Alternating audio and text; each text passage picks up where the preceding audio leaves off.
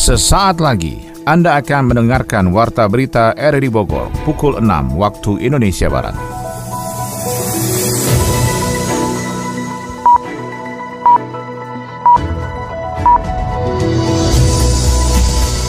Selamat pagi dan salam jumpa. Kembali kami hadir dalam Warta Berita edisi hari ini, Rabu 8 Februari 2023. Siaran kami bisa Anda dengarkan lewat audio streaming di RRI Play dan bisa Anda dengarkan juga di audio on demand di Spotify, Anchor, Portal, dan Google Podcast. Berita utama pagi ini adalah Korban tewas gempa Turki hingga kemarin mencapai 3.381 jiwa dan melukai sekitar 16.000 orang. YLKI menyebut naiknya harga sejumlah kebutuhan masyarakat karena masih panjangnya rantai pasok dan masih adanya mafia komoditas. Polisi Bogor membekuk 21 bandar narkoba dan psikotropika. Saya Maulana Isnarto, inilah Warta Berita selengkapnya.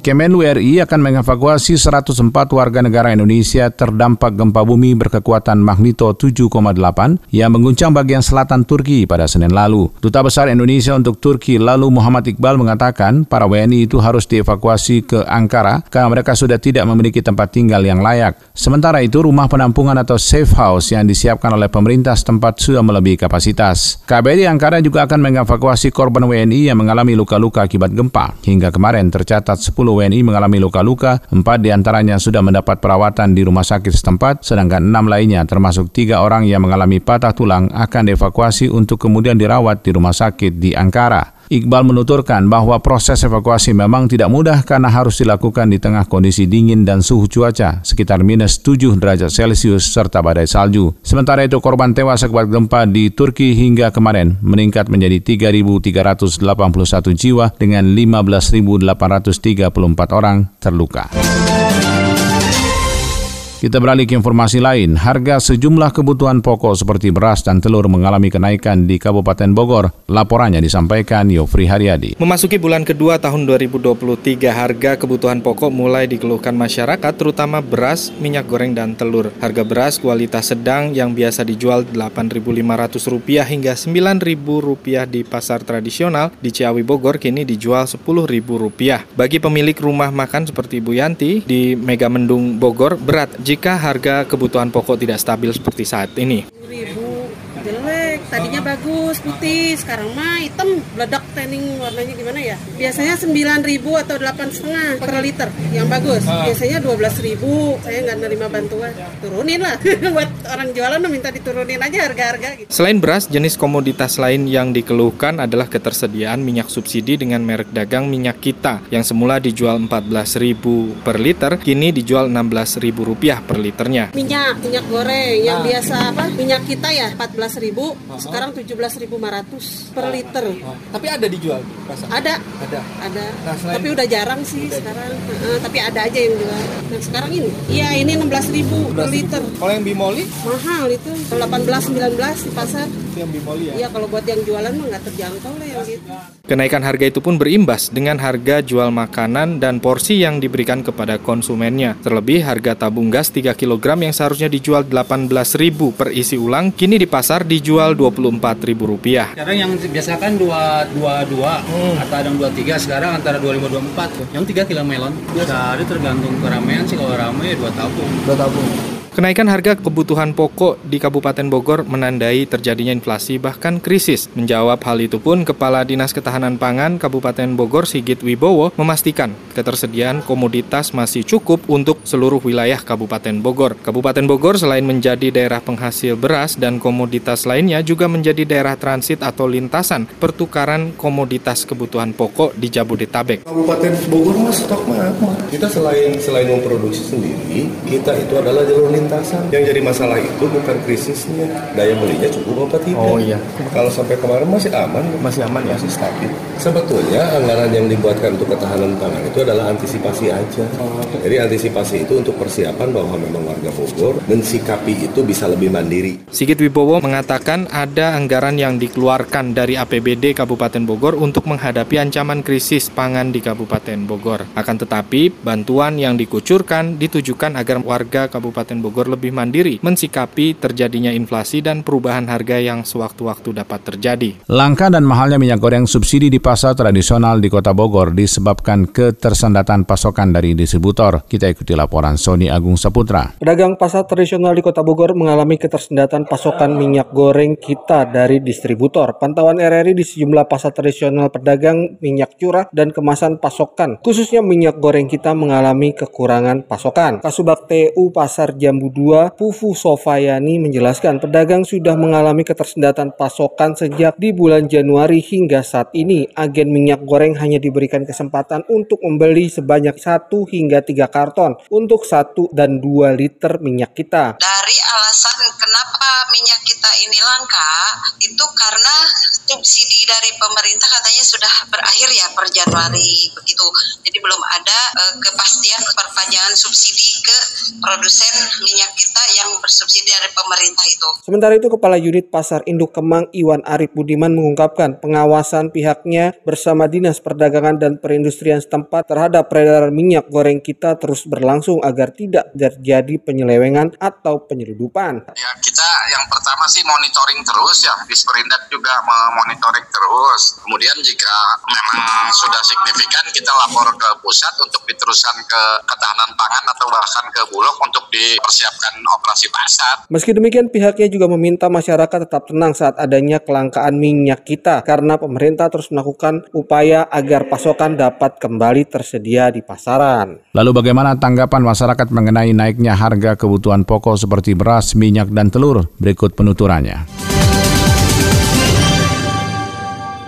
Anissa Dwi itu sangat membebani ibu-ibu rumah tangga ya terutama. Kok bisa sih setiap mau bulan puasa sama lebaran pasti sembako itu naik terutama beras? Kan pokoknya orang Indonesia banget. Tolong dong untuk pemerintah itu dicari solusinya. Masa ya setiap tahun harus begitu terus Muhammad Haidar Haq, tanggapan saya sebagai masyarakat Indonesia, kita lihat sekarang kalaupun misalnya naik, alasannya itu karena apa ya? Kalaupun misalnya ngelihat sekarang Indonesia, masyarakat membutuhkan minyak, gorengan, dan yang lain-lainnya gitu ya, terutama yang naik-naik, itu sangat menyusahkan masyarakat.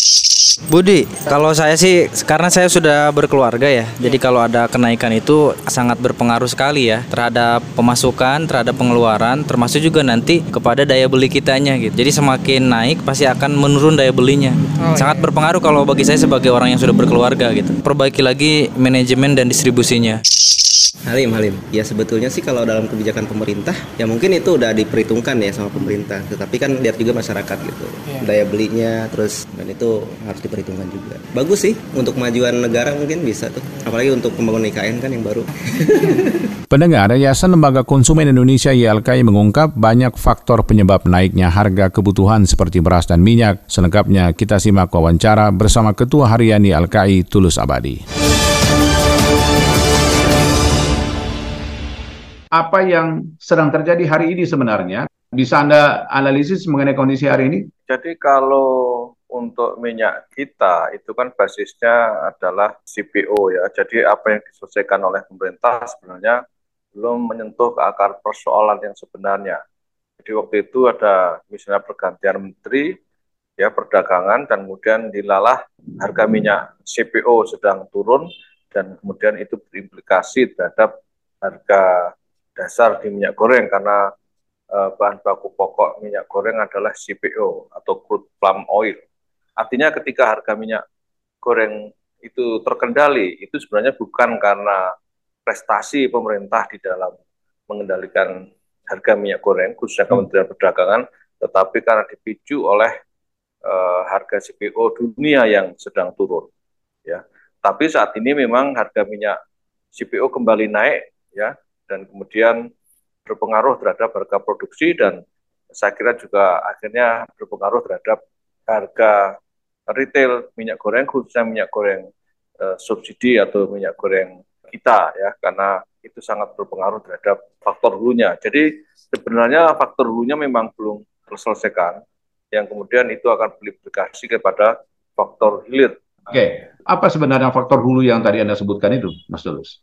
Ya, faktor hulu itu kan yang kemarin saya juga mengadukan itu ke KPPU ya, bahwa ada dugaan kartel oligopoli di industri minyak goreng dan sawit. Nah, kalau itu tidak coba diselesaikan pemerintah, maka resiko-resiko ke depan akan sangat terjadi dan menimpa kita sebagai konsumen minyak goreng. Ya, hmm. karena apa? Karena uh, itulah yang kemudian menjadi pokok persoalan. Hmm. Pertama itu yang terbesar ya. Kedua itu juga karena kebijakan pemerintah ini kan juga saat ini tarik menarik antara CPO untuk minyak goreng dan CPO untuk energi. Pemerintah sudah membuat kebijakan B35 ya untuk solar. Ya, jadi komponennya adalah 30% dari minyak minyak nabati atau dalam ini sawit. Nah, ketika dipakai untuk komponen minyak solar, dia harganya lebih kompetitif, lebih menguntungkan. Hmm. Sehingga industri lebih tertarik menjual kepada sektor migas untuk keperluan uh, bahan baku solar dibanding ke minyak goreng. Okay. Ya karena minyak goreng aturannya terlalu ketat dan dianggap kurang menguntungkan dibanding untuk BBM gitu. Okay. Karena di BBM kan ada insentif, sedangkan okay. di sini tidak ada insentif gitu. Sekarang kita bicara soal beras, Mas. Ini agak aneh karena Menteri Pertanian selalu lihat Limpo kalau dapat kerja di Komisi 4 selalu bilang kita surplus beras. Tapi faktanya beras di tempat kita mahal. Menurut Anda apa yang terjadi soal itu? Ya, kalau yang saya baca ya memang surplus, surplus dalam arti kebutuhannya cukup ya, tetapi yang mengkhawatirkan adalah cadangan dari beras itu sendiri untuk satu tahun ke depan. Jadi cadangannya itu katakanlah satu juta ton dalam satu tahun ini, tapi itu tidak tercukupi. Jadi cadangannya itu kurang. Itulah yang kemudian dianggap tidak aman kalau kemudian cadangan yang ada tidak sesuai dengan standar yang ditentukan. Nah, mengapa cadangannya kurang? karena produksinya menurun. Nah, saya nggak tahu data-data itu apakah betul atau tidak, tapi klaimnya karena cadangannya menurun dan itu dipicu oleh produksi yang menurun. Nah, itulah yang kemudian surplus dalam surplusnya masih, tetapi untuk cadangan yang aman itu menurun dan itu harus distabilisasi agar cadangannya cukup dan itu harus impor.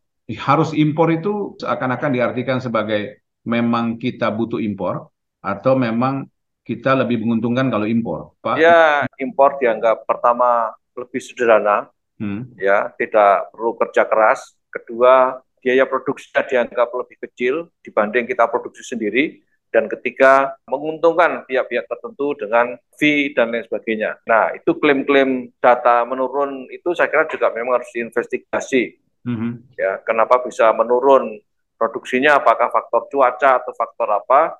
Dan kemudian kenapa sampai stoknya juga turun. Ya, kalau sudah begini, pemerintah kan dihadapkan pada kondisi di mana sebelum bulan puasa barang sudah naik kan gitu ya. Apalagi nanti menjelang bulan puasa tuh. Menurut Anda langkah yang paling cepat misalnya masih ditawarkan soal operasi pasar atau justru harus diubah mindset soal mengendalikan atau menstabilisasi harga di pasar-pasar di tengah-tengah masyarakat, Mas Tulus? Iya, kalau terkait dengan kebutuhan pokok itu kan problematiknya memang yang selalu kita sorot adalah soal rantai pasok yang tidak aman ya dalam arti rantai pasok itu distribusi jalur-jalur distribusi itulah yang dianggap beban ekonomi dari para pelaku usaha yang menambah kos terhadap uh, proses produksi itu dan itu dibebankan kepada konsumen pada akhirnya karena berimplikasi terhadap harga pada end user. Jadi sebenarnya PR panjangnya adalah yang saya kira menurut saya Presiden Jokowi sebagai janji-janjinya untuk menghilangkan adanya pungli atau menghilangkan adanya rantai pasok yang lebih sederhana itu ternyata belum tercapai. Ya, kalau di luar Pulau Jawa katanya dengan uh, ada tol laut dan segala macam. Tapi tol laut problematiknya adalah kita bisa mengirimkan barang-barang itu keluar Pulau Jawa dengan efisien, dengan harga murah. Tapi masalahnya ketika pulang ke Pulau Jawa, kapal-kapal itu kosong, tidak mengangkut barang dari pulau tersebut ke Pulau Jawa, sehingga akhirnya kan menjadi ongkos kemahalan bagi biaya transportasi karena kapal kosong itu harus dikonversi dengan harga. Hmm. Nah, ha harusnya ketika kita mengangkut barang-barang dari Pulau Jawa ke pulau-pulau Indonesia Timur misalnya, pulangnya juga harus diisi. Yeah. Ya. Ngangkut apa dia dari pasokan apa dari Indonesia Timur itu ke Pulau Jawa. Nah, itu yang belum berhasil. Akhirnya itu dibebankan kepada barang yang uh, ada tersebut dengan harga yang yang wajar gitu. Oke, apa yang harus diantisipasi Mas Tulus dengan kondisi ini? Ya, seharusnya ketika demand tinggi suplainya ditambah. Ya. Ya, atau bagaimana pemerintah komitmennya untuk memangkas jalur-jalur distribusi hmm. distribusi agar lebih aman ataupun menghilangkan middleman middleman ataupun bahkan mafia-mafia tertentu untuk ya. komoditas ya. tertentu. Masyarakat juga harus berdaya sebenarnya apabila memang menemukan beberapa hal yang janggal juga harus bisa diaduin kan kan gitu ya. Ini adalah bagaimana bisa berkonsumsi secara rasional. Jangan sampai masyarakat juga berkontribusi dengan katakanlah berkonsumsi secara berlebihan ya. ya karena itu akan berpengaruh terhadap pasokan di pasar. Baik Mas Tulus, terima kasih banyak sudah bersama kami. Sampai jumpa Mas Tulus. Tunggu mas. Paket yang mana ya? Oh skincare. Dua paket lagi kapan nyampe ya?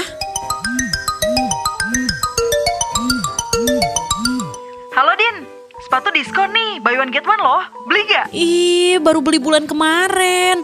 Tapi mayan sih ya, bayar satu dapat dua sepatu. Cus deh. Ibu kos ngechat lagi. Bayar kos bulan ini jangan telat ya Din. Aduh, mana uangnya udah dipakai buat liburan. Hidup itu murah, gaya hidup itu yang mahal. Pilihannya, kita yang mengendalikan uang atau uang akan mengendalikan kita.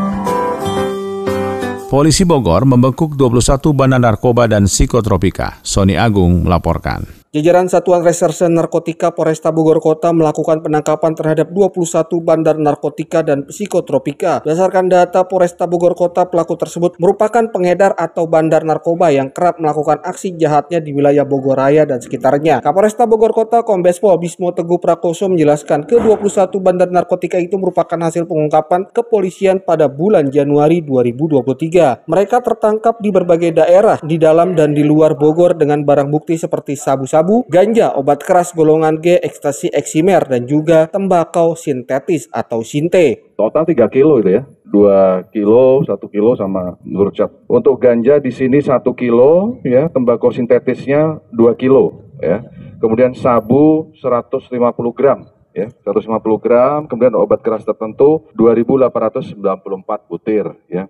Nah ini rekan-rekan bisa kita lihat ada tramadol ya, kemudian ada trihexyphenidyl ya, ada heximer, ada alprazolam, kemudian ada ganja, tembakau sintetis ya dan sabu. Dan itu kita amankan dari berbagai wilayah di Bogor kota ya ada di Bogor Utara, Bogor Timur, Bogor Tengah, Bogor Barat, dan Tanah Sareal. Saat ini polisi juga melakukan pendalaman terhadap kesemua tersangka yang termasuk dalam jaringan sindikat penjualan narkotika dan psikotropika antar daerah dengan memburu tersangka lainnya yang sudah masuk daftar pencarian orang atau DPT. Pemkap Bogor berencana mengelola 4.000 meter persegi lahan di TPA Galuga Cibung Bulang menjadi tempat pengolahan dan pemrosesan akhir sampah yang mampu mengolah sampah menjadi briket atau bahan bakar padat. Kita ikuti laporan Yofri Haryadi. Dinas Lingkungan Hidup dan Kehutanan Kabupaten Bogor akhirnya menarik diri dari pemanfaatan tempat pengelolaan pembuangan akhir sampah TPPAS bersama di Desa Nambo, Kecamatan Kelapa Nunggal, Kabupaten Bogor. Pasalnya, program pengelolaan sampah pemerintah Provinsi Jawa Barat di lokasi tersebut tidak sesuai sesuai dengan perencanaan awal. Saat akan diluncurkan pada 22 November 2022 lalu, tempat pengelolaan sampah TPPAS Lulut Nambo hanya mengoperasikan 40% kapasitasnya, yakni 1.800 ton. Semula direncanakan mengolah sampah menjadi briket melalui pembakaran, namun fakta yang saat ini berlangsung pengelolaan sampah hanya didaur ulang saja. Kepala Dinas Lingkungan Hidup dan Kehutanan Kabupaten Bogor Adeyana mengungkapkan jika TPPAS Nambo tidak sesuai dengan yang direncanakan. Pemka Bogor justru berencana untuk mengelola 4.000 meter persegi lahan di TPA Galuga Cibung Bulang menjadi TPPAS yang mampu mengolah sampah menjadi briket atau bahan bakar padat. Nggak tahu, nah kita kemarin saya sudah tugaskan si Lapi ah, tata lingkungan untuk ngecek ke sana. Benar nggak nih? Jangan sampai main terima tapi nggak bisa diolah aja.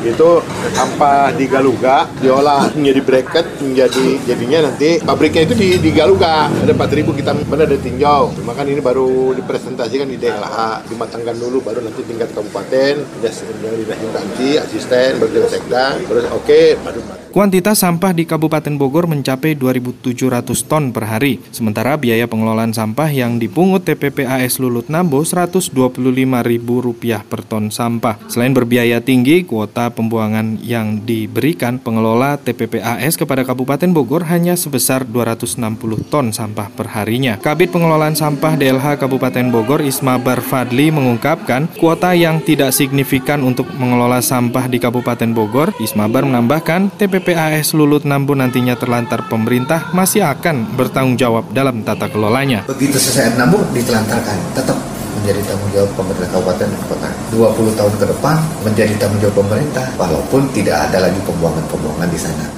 Tempat pembuangan akhir sampah terpadu Lulut Nambo di Kelapa Nunggal akan dipergunakan secara bersama-sama oleh pemerintah Kota Depok, Tangerang Selatan, Bekasi, dan DKI Jakarta. Kabupaten Bogor mengambil sikap menolak beroperasinya tempat pembuangan sampah karena menjadi daerah terdampak beroperasinya truk sampah dan sampah yang dikelola tidak sesuai detail engineering design DED.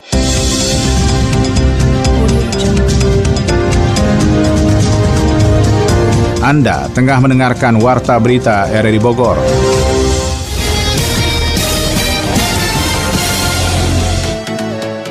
Kini kami sampaikan info olahraga. Timnas Brasil U20 dan Uruguay U20 dipastikan tampil di Piala Dunia U20 2023 di Indonesia. Pemerintah Kota Bogor berharap dinas-dinas menggelar kegiatan seperti turnamen Kadisub Kota Bogor Cup tahun 2023. Kita akan ikuti selengkapnya dalam laporan olahraga bersama Ermelinda. Wabah COVID-19 telah berakhir, kegiatan olahraga kembali menggeliat salah satunya turnamen tenis meja yang dihelat Dinas Perhubungan di Sub Kota Bogor. Turnamen Kadisub Kota Bogor Cup tahun ini diikuti 270 peserta dari wilayah kota dan Kabupaten Bogor. Turnamen dilaksanakan di gedung pengujian kendaraan bermotor di Sub Kota Bogor Jalan Raya Tajur pada akhir pekan kemarin. Kepala Dinas Perhubungan Kota Bogor Eko Prabowo menuturkan melalui turnamen ini juga sekaligus memperkenalkan bahwa di Sub memiliki potensi yaitu sarana prasarana untuk olahraga tenis meja juga sebagai ajang meningkatkan bakat untuk calon atlet-atlet tenis meja, sehingga event ini ikut menggairahkan atau juga menggelorakan olahraga khususnya olahraga yang ada di bawah PT MSI Persatuan Tenis Meja seluruh Indonesia. Alhamdulillah kegiatannya diikuti oleh 274 peserta dari kota maupun kabupaten. Mudah-mudahan melalui event ini kita akan ada potensi lah, potensi gedung, potensi cara prasarana. Nanti bisa juga dikembangkan apakah ini layak untuk penyelenggaraan Perform 2026. Nanti tergantung KONI, kalaupun menjadi pusat pelatihan juga bisa tapi malam hari kami punya sarana prasarana kami punya tempat yang ya relatif layak lah dengan fasilitas untuk olahraga tenis meja ini, Eko Prabowo berharap semoga bisa ke depannya menjadi venue Porda Jabar tahun 2026 yang juga disiapkan tempat yang memenuhi standar dan memenuhi syarat. Di tempat yang sama, Ketua Panitia Rudi Partawijaya menerangkan turnamen tenis meja ini melibatkan peserta dari klub-klub tenis meja di wilayah kota dan Kabupaten Bogor. Berbagai pihak juga mendukung acara tersebut. Rudi Partawijaya juga menyampaikan jika ajang ini sekaligus sebagai sosialisasi ke masyarakat tentang keberadaan PTMSI yang ada di Kota Bogor Bogor agar ke depannya peminat tenis meja juga semakin banyak disukai oleh masyarakat juga sebagai bentuk kedekatan antara di sub kota Bogor dengan masyarakat. Ke depannya insya Allah kalau kondisinya memungkinkan mungkin ini berkelanjutan ataupun bisa mengadakan event lain. Dan lain hanya untuk memotivasi bahwa tenis meja itu betul masyarakat di kota Bogor. Dan misi Disub adalah biar kita juga dekat dengan masyarakat. Karena kita dunia teknis di Disub ini bagaimana caranya agar dekat dengan masyarakat. Salah satunya dibuat event ini. Biar lebih mengenal kondisi Disub itu seperti apa. Karena kita sebagai pelayan masyarakat mau tidak mau harus dekat masyarakat Melihat suksesnya turnamen yang digelar di Subwakil Wali Kota Bogor Dedi Arahim di pemerintahan Kota Bogor itu pun meminta kepada dinas-dinas lain di Kota Bogor untuk meniru dan melaksanakan kegiatan yang sama. Sebab dengan kegiatan keolahragaan merupakan salah satu cara untuk mendekatkan diri kepada masyarakat. Piala Dunia U20 2023 kedatangan dua tim besar yang lolos kali ini. Timnas Brazil U20 dan Uruguay U20 kini resmi layak tampil di Piala Dunia kelompok umur tersebut. Hal itu berkat hasil tak terkalahkan mereka dalam tiga laga beruntun yang dijalani di babak final Piala Amerika Selatan U20 2023. Brazil duduk di peringkat puncak klasmen final tersebut dengan total 9 poin. Negeri Samba julukan Brazil unggul selisih gol atas Uruguay. Mereka pun menjadi pendatang baru perwakilan dari Amerika Amerika Selatan. Masih ada dua jatah lagi dari Asosiasi Sepak Bola Amerika Selatan untuk tampil di Piala Dunia U20 2023. Sementara ini Kolombia menjadi tim yang paling mungkin menyusul Brasil dan juga Uruguay. Kehadiran Brasil dan Uruguay itu lantas menjadi sinyal waspada bagi tim Merah Putih nantinya. Tercatat sejauh ini sudah ada 14 negara termasuk Indonesia yang lolos ke Piala Dunia U20 2023. 13 negara tamu tersebut di antaranya Brazil, Uruguay, Republik Dominika, Honduras, Guatemala, Amerika Serikat, Fiji, Selandia Baru, Prancis, Israel, Inggris, Italia, dan juga Slovakia. Piala Dunia U20 2023 nantinya akan mulai digelar di Indonesia pada 20 Mei mendatang. Ini adalah momen perdana bagi Indonesia menjadi tuan rumah ajang bergengsi kelompok umur tersebut. Indonesia menjadi negara Asia Tenggara negara kedua yang mendapat kesempatan emas tersebut. Sebelumnya Malaysia juga pernah mengemban amanah tersebut pada edisi 1997 silam.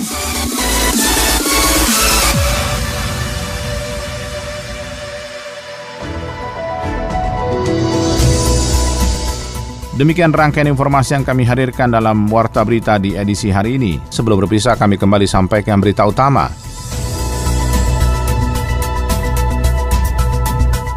Korban tewas gempa Turki hingga kemarin mencapai 3.381 jiwa dan melukai sekitar 16.000 orang. YLKI menyebut naiknya harga sejumlah kebutuhan masyarakat karena masih panjangnya rantai pasok dan masih adanya mafia komoditas. Polisi Bogor membekuk 21 bandar narkoba dan psikotropika. Mewakili kerabat kerja bertugas, saya Maulana Estarto mengucapkan terima kasih. Selamat pagi.